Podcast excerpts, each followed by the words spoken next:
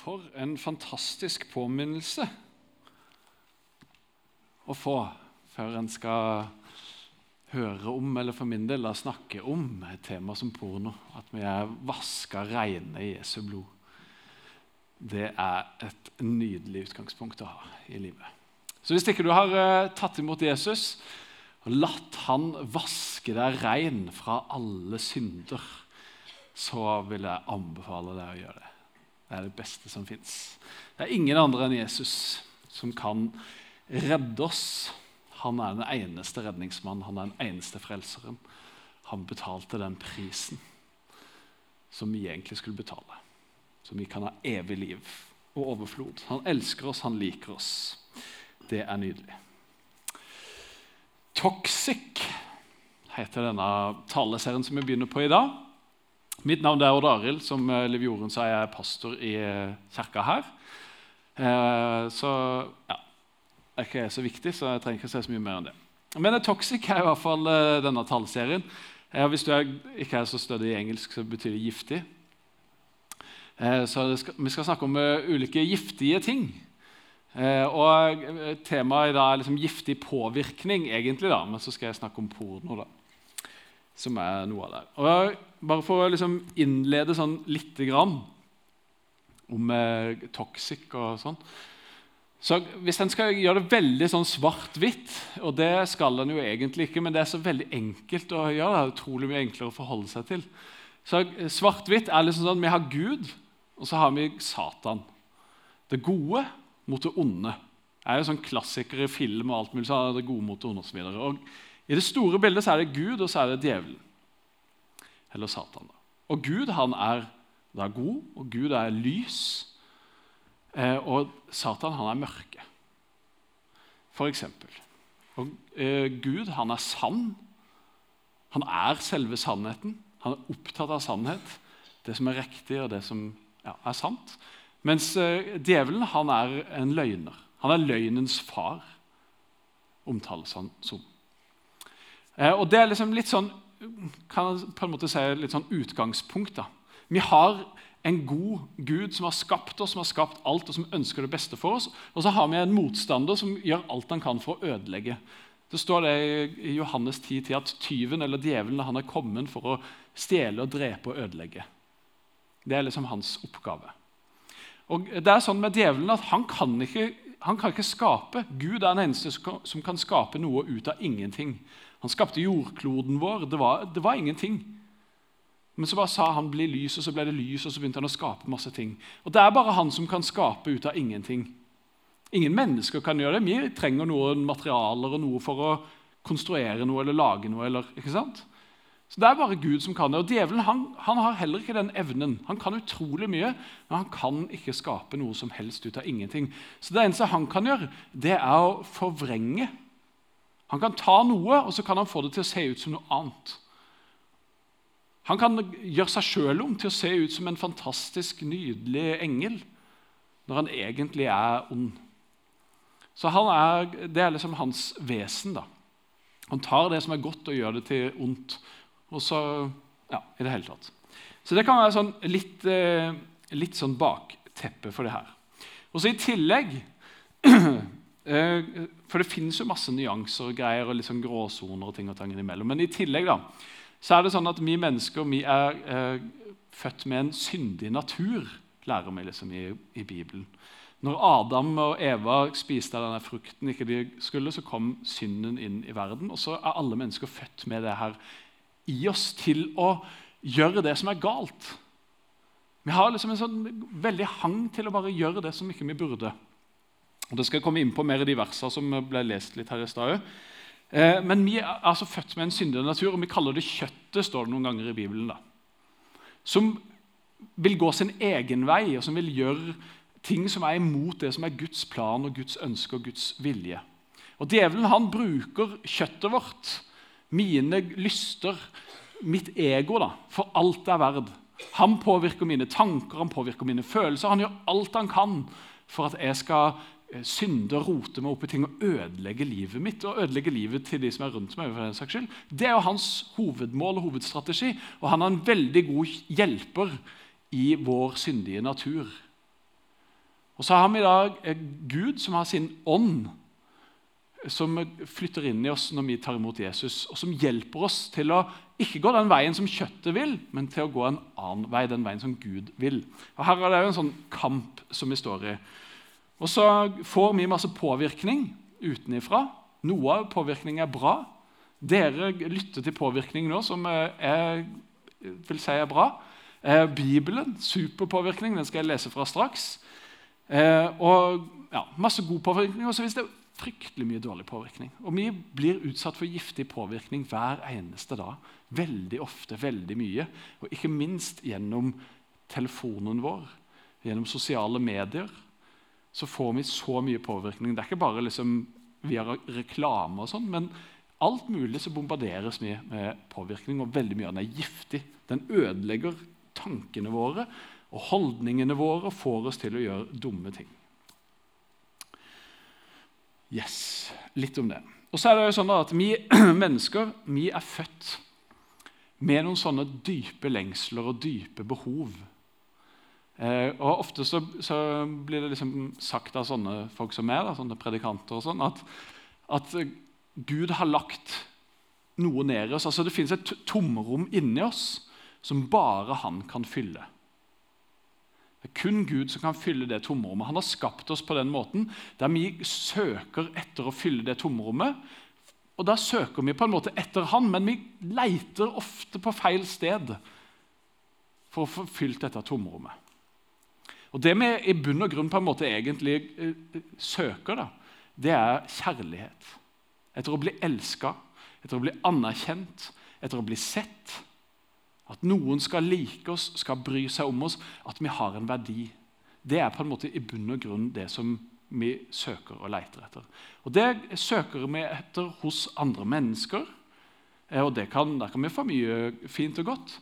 Eh, og så i, Spesielt kanskje i vår kultur og vårt samfunn så søker vi veldig mye av det liksom, i materialistiske ting. Eh, eiendeler og sånn. I penger og velstand. Og i luksus og komfort og i sex. Og sånn mellommenneskelig på en måte kjærlighet. Så forsøker vi å døyve den der lengselen som ligger her inne. Og så er alle de der tinga som vi prøver å fylle her inne med, de, de klarer bare å fylle, Hvis du tenker at det er et glass, da, så fyller de bare sånn, så vidt litt i bånden. Eller så er det en veldig sånn kortvarig glede og kortvarig nytelse. Kanskje du har opplevd det hvis du har fått en ny ting, ny mobiltelefon f.eks. Det er ikke så veldig lenge det er gøy med den før den liksom er blitt gammeldags og avleggs. Og Sånn kan det være med mange forskjellige ting. At det, er, det blir sånn kortvarig glede og kortvarig nytelse. Og samfunnet vårt og sosiale medier alt mulig, er eksperter på å prøve oss, å få oss til å tro at det er det som er på en måte livet. da. Eh, og få de derre Å, så passer veldig fint for meg. da, Jeg har fått ny, nytt sveis observert hos frisøren, eller kjøpt noen sånne hårprodukter. det er sånn typisk reklame. liksom, wow, og ja, fordi du fortjener det, og har du lyst, har du lov. og det er liksom bare, Selvfølgelig skal du kjøpe den sjokoladen og unne deg noe litt ekstra til liksom en ny bil, eller du må ha det store, fete huset, eller ja, masse greier. ikke sant? Og vi blir liksom bombardert med det der, prøve å tilfredsstille de der dype behovene våre med materialistiske ting og ting som gir oss kortvarige nytelser og gleder. Og det funker veldig dårlig. da. Det er bare Gud som kan tilfredsstille det behovet. Og så er det sånn at eh, Gud han har skapt alle ting, og Gud han har også skapt sex. Gud han er for sex. Hvis du har hørt noe annet eller lært noe annet eller vokst opp med noe annet, Jeg vet jo ikke jeg vet jo hvem en del av dere men jeg vet jo ikke hvor dere kommer fra. på en måte, Hva du har vokst opp med. Jeg vet ikke om du er kristen eller ei, om du har hørt masse sånne taler før, om du kjenner Jesus eller ikke. Eh, og uansett på en måte, hva, hvilken Eh, forestilling på en måte har du av sex? Hva er det du har lært, hva er det du har blitt påvirka av? da? Av foreldre eller av eh, menighet eller av omgangskrets? Er det liksom noe fysj og stygt og farlig og skummelt? Hold deg for all del vekke fra det. Det er sånn som ja, vi ikke skal snakke så mye om. Eller er det helt omvendt? Ja, ja, det er supert og flott og fint. Jeg vet jo ikke, men det som er viktig for meg, er at Gud han er for sex. Det er han som har skapt det. Og Det absolutt første Gud sa til menneskene etter han hadde skapt det, Adam og Eva, det var 'vær fruktbare og bli mange'. Altså Det aller første de fikk høre fra Gud, i hvert fall det vi leser i Bibelen, da, Det var ha sex. Lag flere mennesker.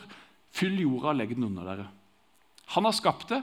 Og jeg tenker at altså, Det er jo han som har skapt det som noe som vi kan nyte. Altså at det er nytelse i det. Hvis hele poenget hans var å lage barn, så kunne han jo ha gjort det bare på en annen måte. Det er litt sånn Trykk i navlen eller noe sånt tre ganger, og så blir du gravid. Altså, han kunne bare gjort det veldig mekanisk. det er enkelt, liksom. Men han har tenkt at nei, dette er noe flott og fint og bra. Og sex det er det mest intime du kan gjøre med et annet menneske. Samfunnet vårt roper til oss hele tiden at det kan du gjøre med hvem som helst, nærmest når som helst og hvor som helst. Det er bare en aktivitet nærmest som du gjør sammen med et annet menneske. Og Det er ikke Guds plan og Guds hensikt med sex. Det er det mest intime du kan gjøre med et annet menneske. Og Derfor har Gud sagt at innafor et ekteskap der har du de trygge og gode rammene hvor et sexliv skal utføres, sånn å si, hører hjemme. For der er det trygt. Der har en forplikta seg på hverandre. Det er oss to. Jeg stoler på deg, jeg har tillit til deg. Jeg har forplikta meg til at det er du jeg vil være sammen med. Mens samfunnet vårt og veldig mange, de ligger jo rundt med masse forskjellige folk. og sånn. Og Det er på en måte den verden som gjør det som vi påvirker sammen. Men Guds tanke for dette det er ikke å skape et sånn fengsel for oss. Er det ikke lov å ha det gøy eller ja, noe som helst sånn? Eller gjøre det vanskelig for oss? Nei, Han bare tenker på hva som er til det beste for oss. Hva er det som er best? Og Han har skapt dette som en gave for oss. Og så har han sagt det, bruk det innafor de rammene det her. Det blir det samme som i trafikken. Trafikkreglene de fins for å beskytte oss som er ute i trafikken. Det er ikke for å gjøre det kjedelig for oss. liksom oh, Vi som kunne hatt det så gøy og kjørt rally, liksom. ja, da må du på et sånn lukka område eller et sted der det fins regler for det. ikke sant? Og Sånn er det med mange ting i samfunnet vårt. Og Gud han er bare god, vil oss kun det beste. Han er for sex, han har skapt det. Yes. Nå skal vi lese en god del vers fra Galaterne 5. Galaterbrevet. En nydelig type som heter Paulus, som har skrevet masse brev i Bibelen. Et av de er til galaterne. Eh, antageligvis egentlig til flere menigheter. da. Men eh, Nå har jeg med meg denne bibelen, men jeg har en annen oversettelse her. så jeg må bare se på veggen. Fordi Det er en oversettelse som heter Hverdagsbibelen. Eh, den har veldig sånn hverdagslig og hyggelig språk. Eh, og Jeg likte særlig godt akkurat eh, de versene som jeg skal lese fra den. For der står det Jeg skal si dere at dersom dere lever et liv der Ånden får dominere, da vil dere ikke kjenne fristelsene så godt, og det blir lettere å stå imot. Kanskje du òg har kjent på fristelser i ditt liv. Det gjør i hvert fall jeg hver eneste dag. Det er utrolig digg å ha en sånn hjelper som hjelper en så fristelsene ikke blir så store. Jeg liker noen ganger å tenke på Hvis du leste Donald Jeg vet ikke hvor mange som gjør det lenger, men jeg leste det av og til da jeg var liten. Der var det alltid en sånn der engel på den ene skuldra og så var det en sånn liten djevel på den andre som driver og hvisker ting inn i ørene til Donald. Ja, Eh, ja, bare gjør det. Det er ikke så farlig, sier den der lille djevelen. Bare kjør på. liksom, Ha det gøy. og sånn. Så er den der engelen sånn Nei, nei, nei, det er ikke så lurt. Ikke, ikke gå den veien. Og Vi har heldigvis Ånden. Og Hvis vi lever sånn at Ånden får dominere, så vil vi ikke kjenne fristelsene så godt. Vi har nemlig en natur som jeg sa i sted, som gjerne lar seg friste. For av naturen har vi ikke lyst til å leve etter det som Guds ånd leder oss til. Vår natur og Guds ånd er to motstridende krefter i våre liv. Eller i livet vårt. Så Vi er altså født med den der syndige naturen. og så Når vi tar imot Jesus, så får vi Guds ånd inni oss, og så blir det litt sånn kamp og krig inni oss. Og så kjenner en på at å, jeg burde gå den veien, men så nei, jeg vil gå den veien, og så havner jeg i sånn limbo. Og Hvis vi sørger for å la ånden få dominere, hvis vi fòrer ånden vår, så hjelper den oss sånn at vi kan gå den veien som Gud vil, den veien som er til det beste for oss, selv om fristelsene forteller oss å gå en annen vei. Og I vårt samfunn da, altså fristelsene de henger veldig ofte sammen med liksom følelser. Og jeg fikk lyst på det. Hvis vi bare tar sånn dustete eksempel som sjokolade. ikke sant? Så, å, jeg fikk så sykt lyst på sjokolade akkurat nå, og så ser du en sjokolade, så er det vanskelig å liksom holde seg fra å spise den. på en måte. Men eh, ja, Nå husker jeg ikke hva jeg skulle med det poenget. Greia er i hvert fall at vi har masse ting som er fristende for oss, og som eh, påvirker oss. Og så ja, gjelder det å fòre ånden og ikke jo, det var det som var poenget mitt. I samfunnet så er det sånn ja, Har du lyst, har du lov. Og hvis du liksom vil noe og føler for det, så må du bare gjøre det. Selvfølgelig, Du må følge hjertet ditt og alle sånne ting. Og Det jo, høres jo veldig hyggelig og fint ut, men det er jo litt sånn giftig påvirkning. Det er ikke alltid at det er så lurt å følge hjertet vårt og følge lystene våre. Følge begjæret vårt. Det får oss veldig ofte til å gjøre dumme ting. Stort sett alle utroskap det kommer derfra. Og De fleste av oss er enige om at utroskap er ikke så veldig heldig og veldig bra. For eksempel, da. Ja, Den som legger sin vilje i Guds hender, vil få hjelp av Guds ånd. Og livet blir ikke en slitsom kamp mot alt man skal prøve å stå imot. For det er jo lett å kjenne på det sånn og tenke på sånn, åh, jeg har ikke lov til det, og så må jeg slutte med det, og så kan jeg ikke gjøre det. Ja. For Så blir det en sånn slitsom kamp. Men når vi blir fylt av Ånden igjen og igjen, igjen hver eneste dag Jeg forsøker når jeg står opp og sier til Gud her er livet mitt, her er denne dagen selv, og Veldig ofte når jeg våkner, så har jeg overhodet ikke lyst til å snakke med Gud. Jeg har liksom ikke lyst til å ha noe med han å gjøre. Det er sånn som jeg våkner hver morgen. Det er den syndige naturen som ikke har lyst til å leve etter det som Guds ånd leder oss til. Så jeg må liksom koble på, føler jeg, hver eneste dag. Kanskje du har det litt lignende. Eller hvis ikke du har det, hvis du bare våkner hver morgen med sånn hallelujarop, så Gud velsigne deg, så nydelig det må være. Jeg har det ikke sånn. Jeg er nødt til å koble på på en måte å invitere han inn og velge å gå den veien som han vil. Velge å sette meg ned med hans ord og lese det. Velge å be for og takke for ting jeg har fått. Be for mennesker rundt meg. Og ja, koble meg på Guds ånd, sånn at jeg kan gå den veien som han vil, og ikke den veien som jeg sjøl vil. Yes, Vi kan eh, bla videre her. For dersom vår natur får leve ut sine lyster, altså det der begjæret som er født med, de der fristelsene som vi kjenner inni oss, det der 'har du lyst, har du lov'-greiene på en måte, som verden forteller oss Dersom vår natur får leve ut sine lyster, ville det bare ført til ekteskapsbrudd, sex utenfor ekteskapet, urenhet med skamløse seksuelle fantasier og handlinger, at Gud blir bytta ut med andre guder, trolldom, hat, stridigheter, sjalusi, raseri, egoisme, splittelser, intriger, misunnelse, drap, fyll, umoralsk festing og alt det som følger med et slikt liv. Nå er dere advart! Fikk dere det med deg, eller den psyko-lange lista? Med ting som kommer fra vår syndige natur. Dette er vi født med inni oss. Er det rart vi strever og får lyst til å gjøre masse drit?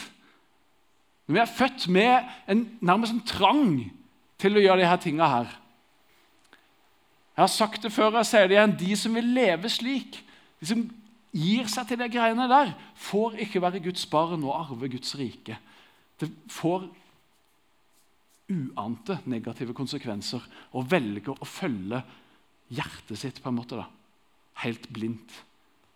Å følge lystene sine, følge begjæret som ligger i vår syndige natur. Og bare litt sånn I starten så står det ekteskapsbrudd og sex utenfor ekteskapet. Og Det ordet som brukes på gresk, det er ordet porneia. Og Det er der ordet pornografi kommer fra. Det ordet der, porneia, som betyr sex utenfor ekteskapet. Så Der dukker det opp, bare sånn at det er sagt. Og eh, Dette er liksom kjøttet vårt. og alt, Alle de tingene her som er lista opp, det dreier seg egentlig om det ene ordet som står midt inni der egoisme. Det handler om meg og mitt og meg sjøl. Egoet mitt. Jeg vil ha. Og Sånn er det òg med eh, ja, eh, porno og alle sånne ting. Det er vi som er i sentrum. Det er vi som er fokus, og sånn er det med den påvirkninga vi får i samfunnet vårt nå. At Har du lyst, har du lov, og du må unne deg ditt, og følge hjertet ditt og følge lystene dine. Da er det vi som er i sentrum. Det er vi som er liksom denne verdens gud og verdens herre. Og du skal bare gjøre alt det som du har lyst til. Og så er det litt sånn mummelovpreg inni det, at hvis ikke det skader noen andre osv. Men det er veldig selvsentrert, og det er egoisme. Og kjøttet mitt er veldig egoistisk. Det er på en måte grunnsynden i oss mennesker. Det at vi er egoister som tenker først og fremst på oss sjøl og ønsker først og fremst noe for oss sjøl. Så kan det være at eh, noen tenker litt sånn at, eh, ja, sånn der, eh, at sex bare hører ekteskapet til. og alt, men Det er sånne gammeldags greier. og Vi har kommet lenger i vår tid. Samfunnet vårt har utvikla seg. Sånn. På den tida her, da, Det er ikke tilfeldig at Paulus skriver alle de greiene her til de menneskene. For på den tida var det akkurat som i vårt samfunn nå. Det var helt vanlig. Det var nærmest en selvfølge at mannfolk hadde elskerinner. Og De hadde flere koner. og De hadde, altså, det var en sånn seksuell løssluppenhet som var ja, sikkert enda verre enn det vi har i vårt samfunn nå. Og Det sies det at det som de første kristne brakte aller mest inn i samfunnet, det var seksuell renhet. på en måte. Det var den største forskjellen de dro inn. For at de begynte å eh, behandle andre mennesker med respekt og tok seg én kone og holdt seg til henne, eller en mann, da, for den saks skyld, um, hvis du var dame. Og sånne ting. Så det var, Dette er skrevet inn i en tid som kan minne mye om oss, eller vår. Så skal vi videre til siste del av dette, disse versene. Men åndens frukt, derimot? Vi har kjøttet, der frukten av å følge mine egne lyster og begjær. Det er den lista som er i stad. Mens åndens frukt, når jeg har fokus på å fòre ånden min og vanne Frukt det synes jeg er så nydelig. Hvis du har et epletre, så kommer det eple på det hvis du sørger for at det får vann og lys og varme og sol. At det har godt jordsmonn. Så kommer det epler. Det er det det er skapt for. Når ånden min får næring, så vil den produsere frukt. Og den frukten det er kjærlighet, glede, fred, tålmodighet, vennlighet, godhet, trofasthet, ydmykhet og selvbeherskelse. Alt dette er summen av Moseloven. De som har gitt livet sitt til Kristus, har dermed også sagt seg villige til å avvise egne lyster og fristelser. Der kommer det. I samfunnet vårt så får vi høre at vi skal følge våre egne lyster, vårt eget begjær, våre egne fristelser. Mens her står det at nei, hvis vi fòrer ånden vår, så vil den lede oss til å gå en annen vei enn det kjøttet mitt sier at det er det beste for meg. For han vet en bedre vei. Og Det er jo fascinerende at alle de her gode fruktene, kjærlighet, og glede og fred osv., de har, altså det, det kommer jo med til gode, men det har på en måte den andre alltid i fokus. Og Sånn er det med Jesus og sånn er det med kristen tro. Det, det, handler ikke om at jeg skal ha det best mulig, men det handler om noen andre. Ofte når vi synger lovsanger og er liksom på sånne møter, så tenker vi at det var så god lovsang. da, Jeg fikk så mye gjennom den. Ja, men Det er jo ikke det det handler om. Det handler om at vi synger til Gud for å ære Han. Men vi dreier det til at å, nei, da var det dårlig lovsang. Jeg fikk ingenting ut av den. Det er, ikke, det er ikke det som er hovedhensikten. Det er veldig flott når vi får noe ut av det, men hovedhensikten er jo å ære Gud. Og Sånn er det med masse andre ting. Og med sex så er ikke hovedhensikten at jeg skal få mine eh, behov tilfredsstilt. Men det er jo at jeg skal ha fokus på den andre personen. Jeg er gift med ei dame som heter Maria. Og Selv om det er fryktelig vanskelig, så er på en måte min hovedhensikt at jeg skal jo være til for at hun skal ha, det. altså jeg skal ha fokus på hun. Hva er det hun liker, hva er det hun er opptatt av, hva er det hun ønsker? Og så skal hun være det med meg. Og hvis begge to er gode på det, da, så får jo begge to oppfylt sine ønsker og behov. Uten å være egoistisk og selvsentrert og ha fokus på seg sjøl, men ved å ha fokus på den andre. Og Sånn er det konsekvent. Jesus var sånn hele tida med alle han møtte. Hva kan jeg gjøre for deg? Hva kan jeg hjelpe deg med? Hva trenger du? Å ha det utadretta blikket det er så radikalt annerledes enn å ha fokus på at jeg skal få tilfredsstilt mine behov, sånn som vårt samfunn forteller oss. Som jeg vil si er en giftig påvirkning. Og så står det her, de som har gitt, eh, ja, Hvis vi ser at vi vil leve for Gud, så må vi la Guds ånd få prege oss. Det er ikke nok å bare si ja, jeg tror på Jesus, liksom. Og så er det ikke så nøye åssen jeg lever. Han bryr seg ikke så veldig mye om livet mitt. Eller. Han er utrolig hverdagslig. Han er opptatt av at vi skal ha et godt liv. Han er opptatt av at vi skal bli mer og mer lik han. Og Hvis jeg har sagt ja, Jesus, ja, du er min herre og frelser, jeg ønsker å gi deg livet mitt, jeg ønsker å følge deg, så må jeg jo la Guds ånd få prege meg. For Hvis ikke så bare fortsetter jeg å gjøre de der dumme tinga som kjøttet mitt forteller meg at jeg skal. Jeg følger mine egne lyster og mitt eget begjær istedenfor å gå den veien som han sier at er det beste. Så jeg er nødt til å fòre ånden min og la Guds ånd få prege meg. La oss ikke være ute etter å få tom anerkjennelse fra mennesker. Da vil vi bare sammenligne oss med hverandre og dermed misunne hverandre. Yes!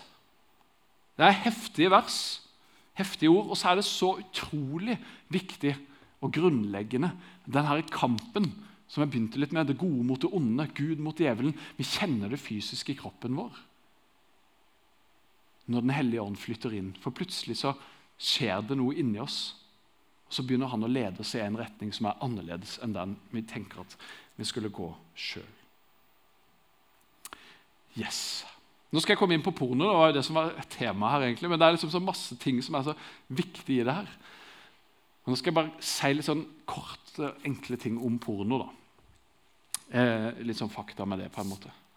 Og Jeg leste en undersøkelse som, som, der det sto det at eh, altså, Jeg bare tar for gitt på en måte at eh, alle mennesker har sett på porno én eller flere ganger i løpet av livet.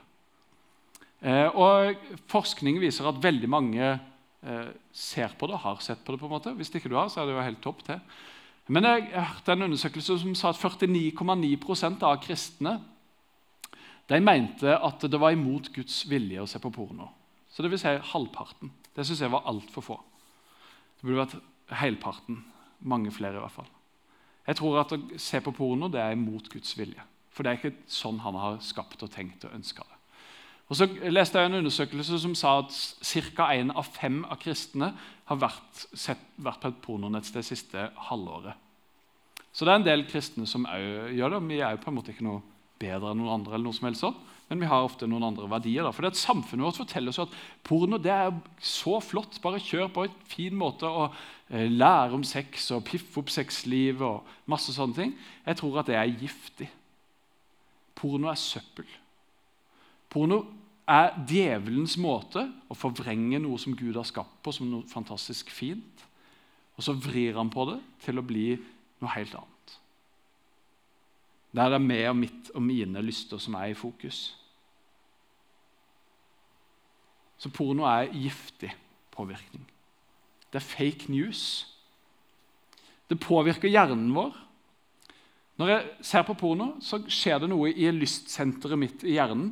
Og Det produseres noe som heter dopamin. og Det er sånn avhengighetsskapende stoff. Dop. ikke sant? Rus. Du får en rus, og så blir du avhengig. Og så vil du ha den rusen igjen og igjen. og igjen. Uansett, så Veldig mange har sett på porno og så har de angra etterpå. jeg har vært der. Ikke sant? Og så ble en skamfull og så jeg skal aldri gjøre det igjen. Og sånn, og så plutselig dagen etter eller ei uke seinere så dukker den der lysten de tankene opp igjen, og så driter han seg ut igjen. liksom. Vi gjør det en gang til. da. Og Det er fordi at lystsenteret vårt blir aktivert. Og Sånn er det med masse ting. Det er ikke bare med sex, men det er veldig mye som styres av det her lystsenteret i hjernen. Så når vi fôrer det, så blir vi avhengig. Det skjer noe helt fysisk inni hjernen vår. Masse ting er liksom laga og designa for at, at uh, likes på sosiale medier er akkurat det samme. Dopaminet bare når du får likes på et bilde du har lagt ut. eller hva det skal være. Så det påvirker hjernen vårt. Det er giftig påvirkning. Og så er det et giftig bilde på sex. Det er fake news. som jeg sa. Altså, det er ikke det Gud har designa og skapt det for. Det er, for det første så er det jo ikke reelt. Det er jo skuespill. ikke sant? De later som. Og det er kun produsert for å skape lyst og begjær, og veldig ofte hos oss menn. For vi er visuelle av oss, så vi blir utrolig tiltrukket av ting som er visuelt. Det vi kan se. Så Nakenhet og sånne ting det er sånn som trigger menn mer enn kvinner. Og for all del kvinner òg, men menn i sånn særlig grad. Eh, og når vi ser på sex, da, så gjør det noe med oss. Og det gjør noe med vårt forhold til andre mennesker generelt sett. Og det gjør noe med vårt forhold til hvis vi er i et kjæresteforhold eller et ekteskap. eller hva Det skulle være. Det ødelegger. Og Forskning og statistikk og politi og alle mulige forteller dette her. At de siste åra har det blitt utrolig mange flere overgrep. Òg blant jevnaldrende. Russen de løper rundt med sånn 'nei betyr nei' på russedressen sin. Mens i pornoverden så betyr, altså, der er det 'nei betyr ja'. Veldig ofte i sånne pornofilmer så er det en sånn dame som liksom later, eller sier 'nei, nei, nei, jeg vil ikke'. jeg vil ikke. Og så er det på en måte bare en invitasjon til mannen. da. 'Ja, selvfølgelig vil du'. ikke sant? Og så har de sex på den pornofilmen. Og så blir vi påvirka. Oss gutter er jo dyr, nærmest. Så tror vi at å, når en dame sier nei, så betyr det egentlig ja. for det har jeg jo sett på sånne filmer. Og så er det unge gutter som forgriper seg på sine jevnaldrende jenter. Det fins motsatt vei òg, jenter på gutter, men det er overraskende mye overvekt den andre veien. Fordi at en er opplært til å tro at det er sånn det skal være. Fordi at Mange bruker porno som et sted der de lærer om sex. Men hvis porno er fake news, hvis porno er giftig påvirkning, så lærer det seg et feil bilde av sex. Det er ikke sånn som på film. Det er ikke sånn det fungerer. Det er ikke sånn det er i et forhold. Og så Veldig ofte så er det jo sånn, så ser en på noe porno, og så blir en på en måte eh, ikke tilfredsstilt lenger å se det. Så må en se noe som er hardere og grovere. Og Det forteller jo politiet og alle mulige sånn, at overgrep blir stadig grovere og grovere. og grovere. Det er kveletak, det er ja, eh, bare verre og verre ting som skjer. Og de ser det i sammenheng med pornografi. Så pornografi er et stort samfunnsproblem. Dette er ikke bare en sånn kristengreie, sånn, men i samfunnet vårt så er dette et stort problem. Nettopp fordi at det fører til overgrep. Blant annet. Masse andre ting som er skadelige. Veldig mange av de som er med i pornoindustrien, de er liksom prostituerte. på en måte. De, de må selge seg sjøl for å ha penger. Veldig mange av de er utsatt for overgrep når de er små og har en sånn hang på en måte den veien. Veldig mange av de er rusmisbrukere og har trøblete og vanskelige ting. Og Det er forferdelig mye menneskehandel i pornoindustrien. De kjøpes, ikke sant, de her damene, for å være med der. og sikkert mannfolk òg. Så er det noen som eier denne industrien, som tjener seg søkkrike på andre menneskers kropper og andre menneskers liv. Og Når vi ser på porno, så er vi med og på en måte legitimerer og betaler inn i denne søppelindustrien. Så Derfor er det jo veldig lurt å ikke gjøre det. For vi vil ikke være med og bidra til menneskehandel. Jeg tror ingen vil det. Så jeg er ikke sikkert den en har tenkt på det sånn, eller tenker over det. Fordi at lystsenteret vårt er jo bare i høyspenn, og da tenker vi ikke klart alltid. Og så er det sånn, Jeg snakka litt i stad om at vi har sånn der dyp lengsel etter å bli anerkjent og elska og sånne ting. Og det som veldig ofte er med her pornofilmer, spesielt kanskje til oss gutter, så får vi en sånn der opplevelse eller nærmest en bekreftelse av å se på dette som at å, hun der dama hun vil ha med. Hun liksom gir seg til, hun, hun vil ha med. Og det oppleves akkurat der og da som at å, det blir fylt noe i det der eh, behovet jeg har for å bli sett og for å bli elska. Og så varer det jo veldig kortvarig, som sagt, som jeg sa i stad. Og Det er en sånn kortvarig greie, og det er bare fake news. Men det er noe av det som trigger oss særlig. da. Noe som er interessant, er at Viagra altså det er et sånn potensmiddel ikke sant, som gjør at du skal få ereksjon. Vanligvis er det for litt sånn godt voksne menn. Etter hvert som en blir eldre, så får en dårligere potens. Det er vanskeligere å få ereksjon og kunne ha sex. og sånn. Men de ser det at salg av Viagra for 16-19-åringer har skutt i været de siste åra. Liksom. Og Hvorfor har de gjort det? Jo, fordi at de her guttene de har sett så mye pornografi at når de skal være sammen med et annet menneske, så klarer de ikke å få opp lysten nok. De blir avhengige av på en måte de der falske, giftige greiene som de ser på en skjerm. Og så er det bare det som kan gjøre at de får ereksjon, at de blir kåte, rett og slett. Og så For at de skal klare å ha sex med et annet menneske, så må de begynne å ta Viagra når de er ungdommer, der en egentlig er full av hormoner. Og der det er vanskeligere å få den ned enn å få den opp. på en måte. Så det er jo veldig spesielt, Men det er sånn som porno er med å bidra til. Det ødelegger for oss. Det messer opp i hjernen vår, og det messer opp i følelseslivet vårt. og det messer opp i relasjonene våre. For det gjør jo at vi får, altså Kvinner blir ofte framsatt som et objekt i de her filmene. Og sånne ting. Og det gjør jo noe med oss. Ja, kvinner de er bare et objekt som er til for min tilfredsstillelse. Og Det gjør at vi begynner å se på andre mennesker som objekter framfor medmennesker.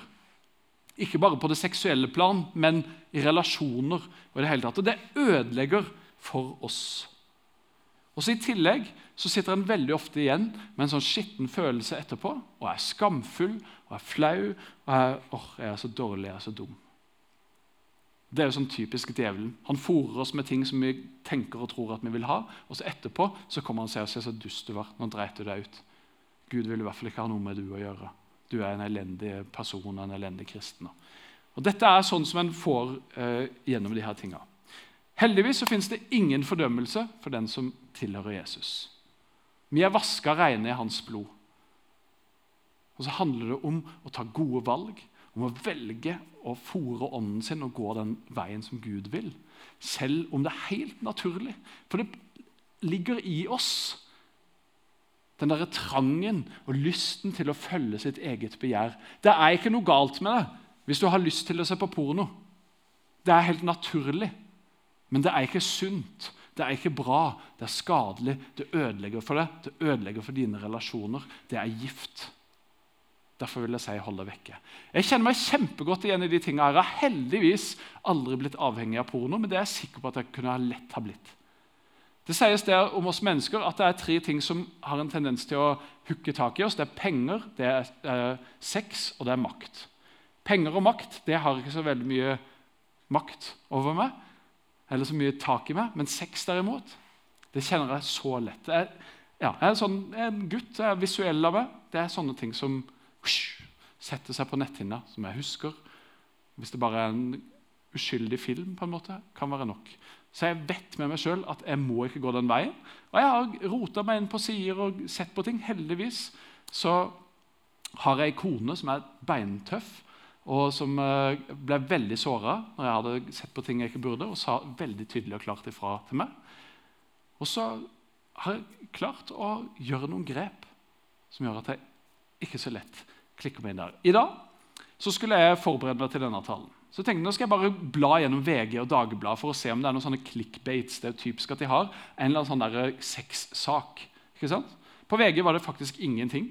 Og på Dagbladet så var det noe. Det var én eller to saker. Så, skulle, så klikka meg inn på den for å se hva dette var. Så tenkte jeg nei, jeg må bare klikke meg ut igjen.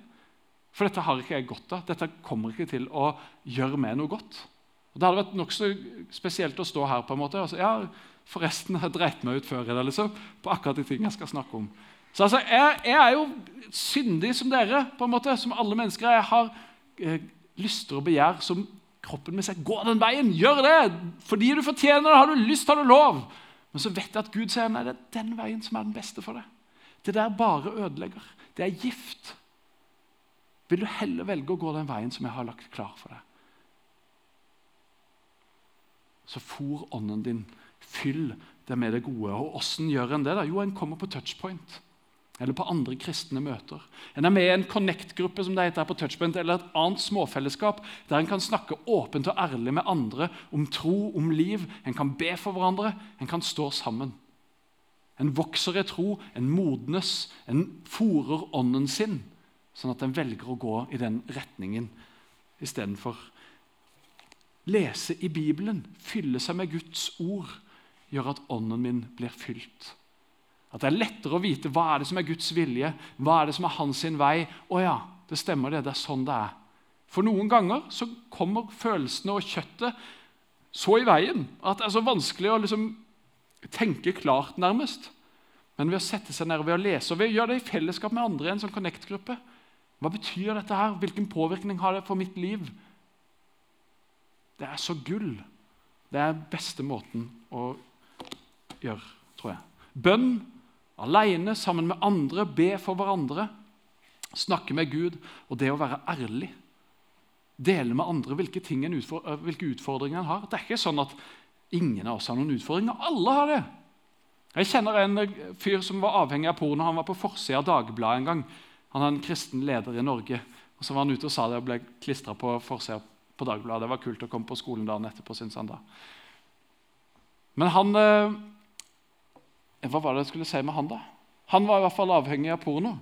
Eh, var en kristen? Jo, eh, det var det jeg skulle si. Han bestemte seg en dag for å fortelle dette til en kompis. At jeg strever med porno. Så han ringte til han, de møttes, og så forteller han Kosta sikkert dødsmye. Og sier du, jeg sliter med porno, jeg er avhengig. Og Så ser kompisen på han og så sier han, gjør du òg? Så var de ikke alene. Begge to hadde samme utfordring. Og Hvis jeg kommer og forteller noen at jeg sliter med ditt eller datt, eller ditt, så har den andre noe annet. Vi har alle våre greier.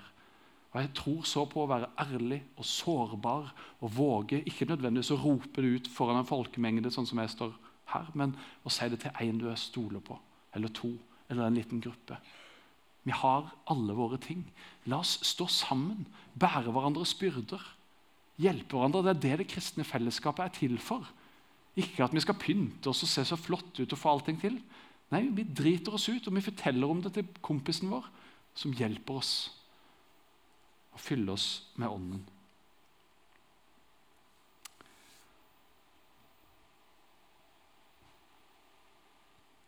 Hvis du strever med pornografi eller med noe annet, så kan det være nødvendig å gjøre noen drastiske grep. Jeg slutta, øh, Den gangen jeg drev og rota meg inn på ting, så slutta jeg bevisst å lese Dagbladet og VG. og sånne ting, For jeg visste at der fins det ting som trigger meg. Så det var noe jeg gjorde. Jeg kjenner folk som har sletta Instagram.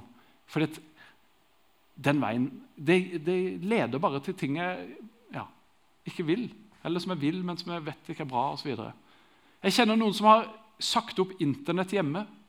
Som har kvitta seg med smarttelefonen sin og kjøpt dumtelefon istedenfor.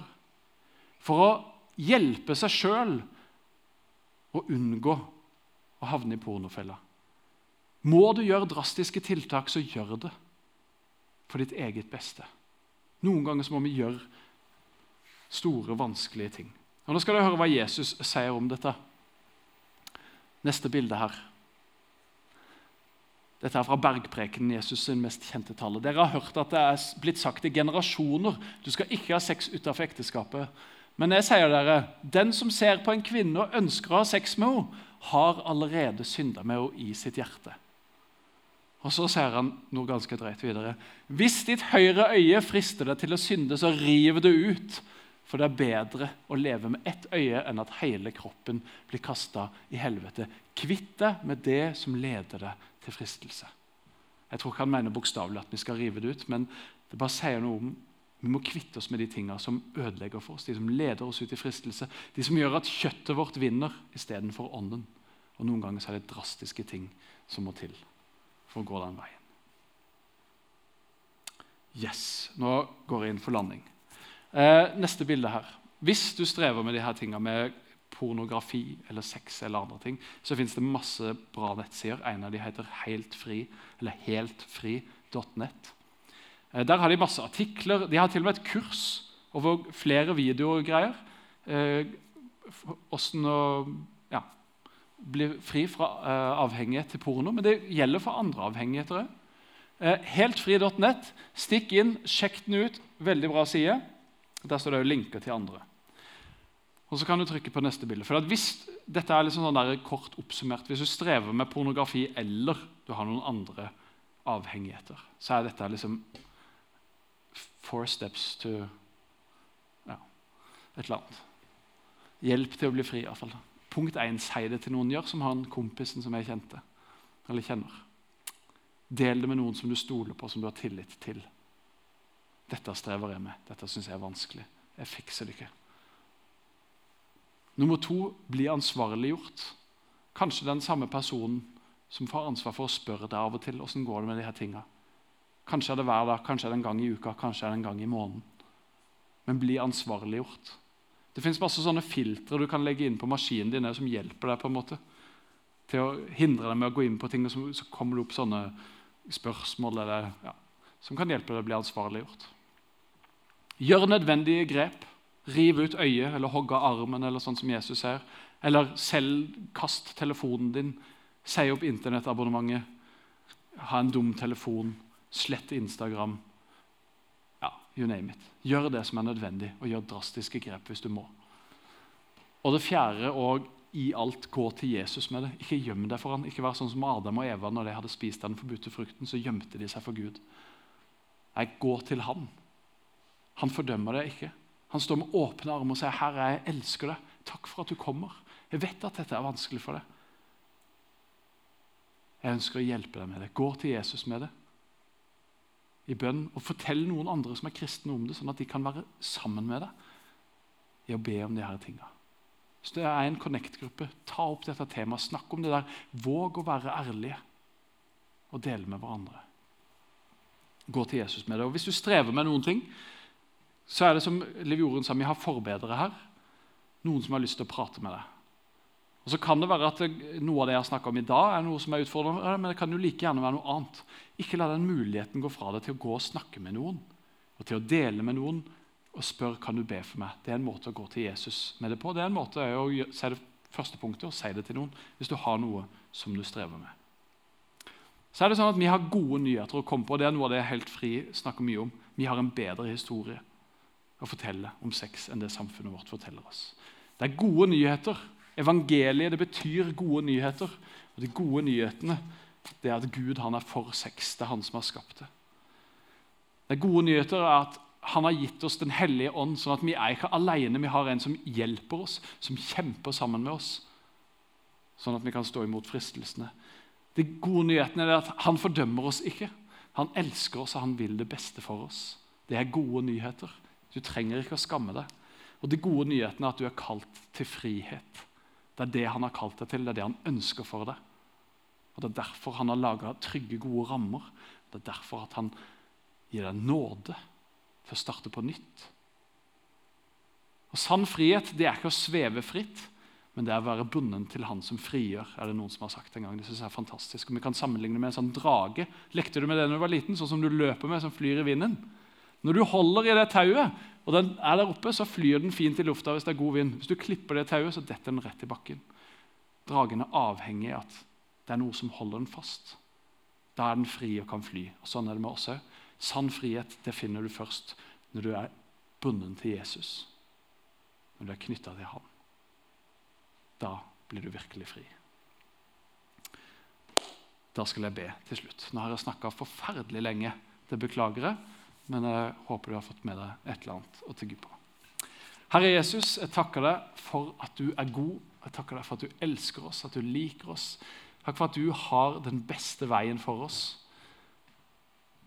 Du er selve livet. Takk for at du har gitt din Hellige Ånd til oss. Som vår hjelper, som vår trøster, som vår talsmann. Hellige Ånd, må du komme og fylle oss, hjelpe oss bli fylt av det, sånn at vi kan gå den veien som du ønsker. Velsigne den fantastiske gjengen som er her. Hold din hånd over dem, og hjelp du oss å følge etter det, Herre. Amen.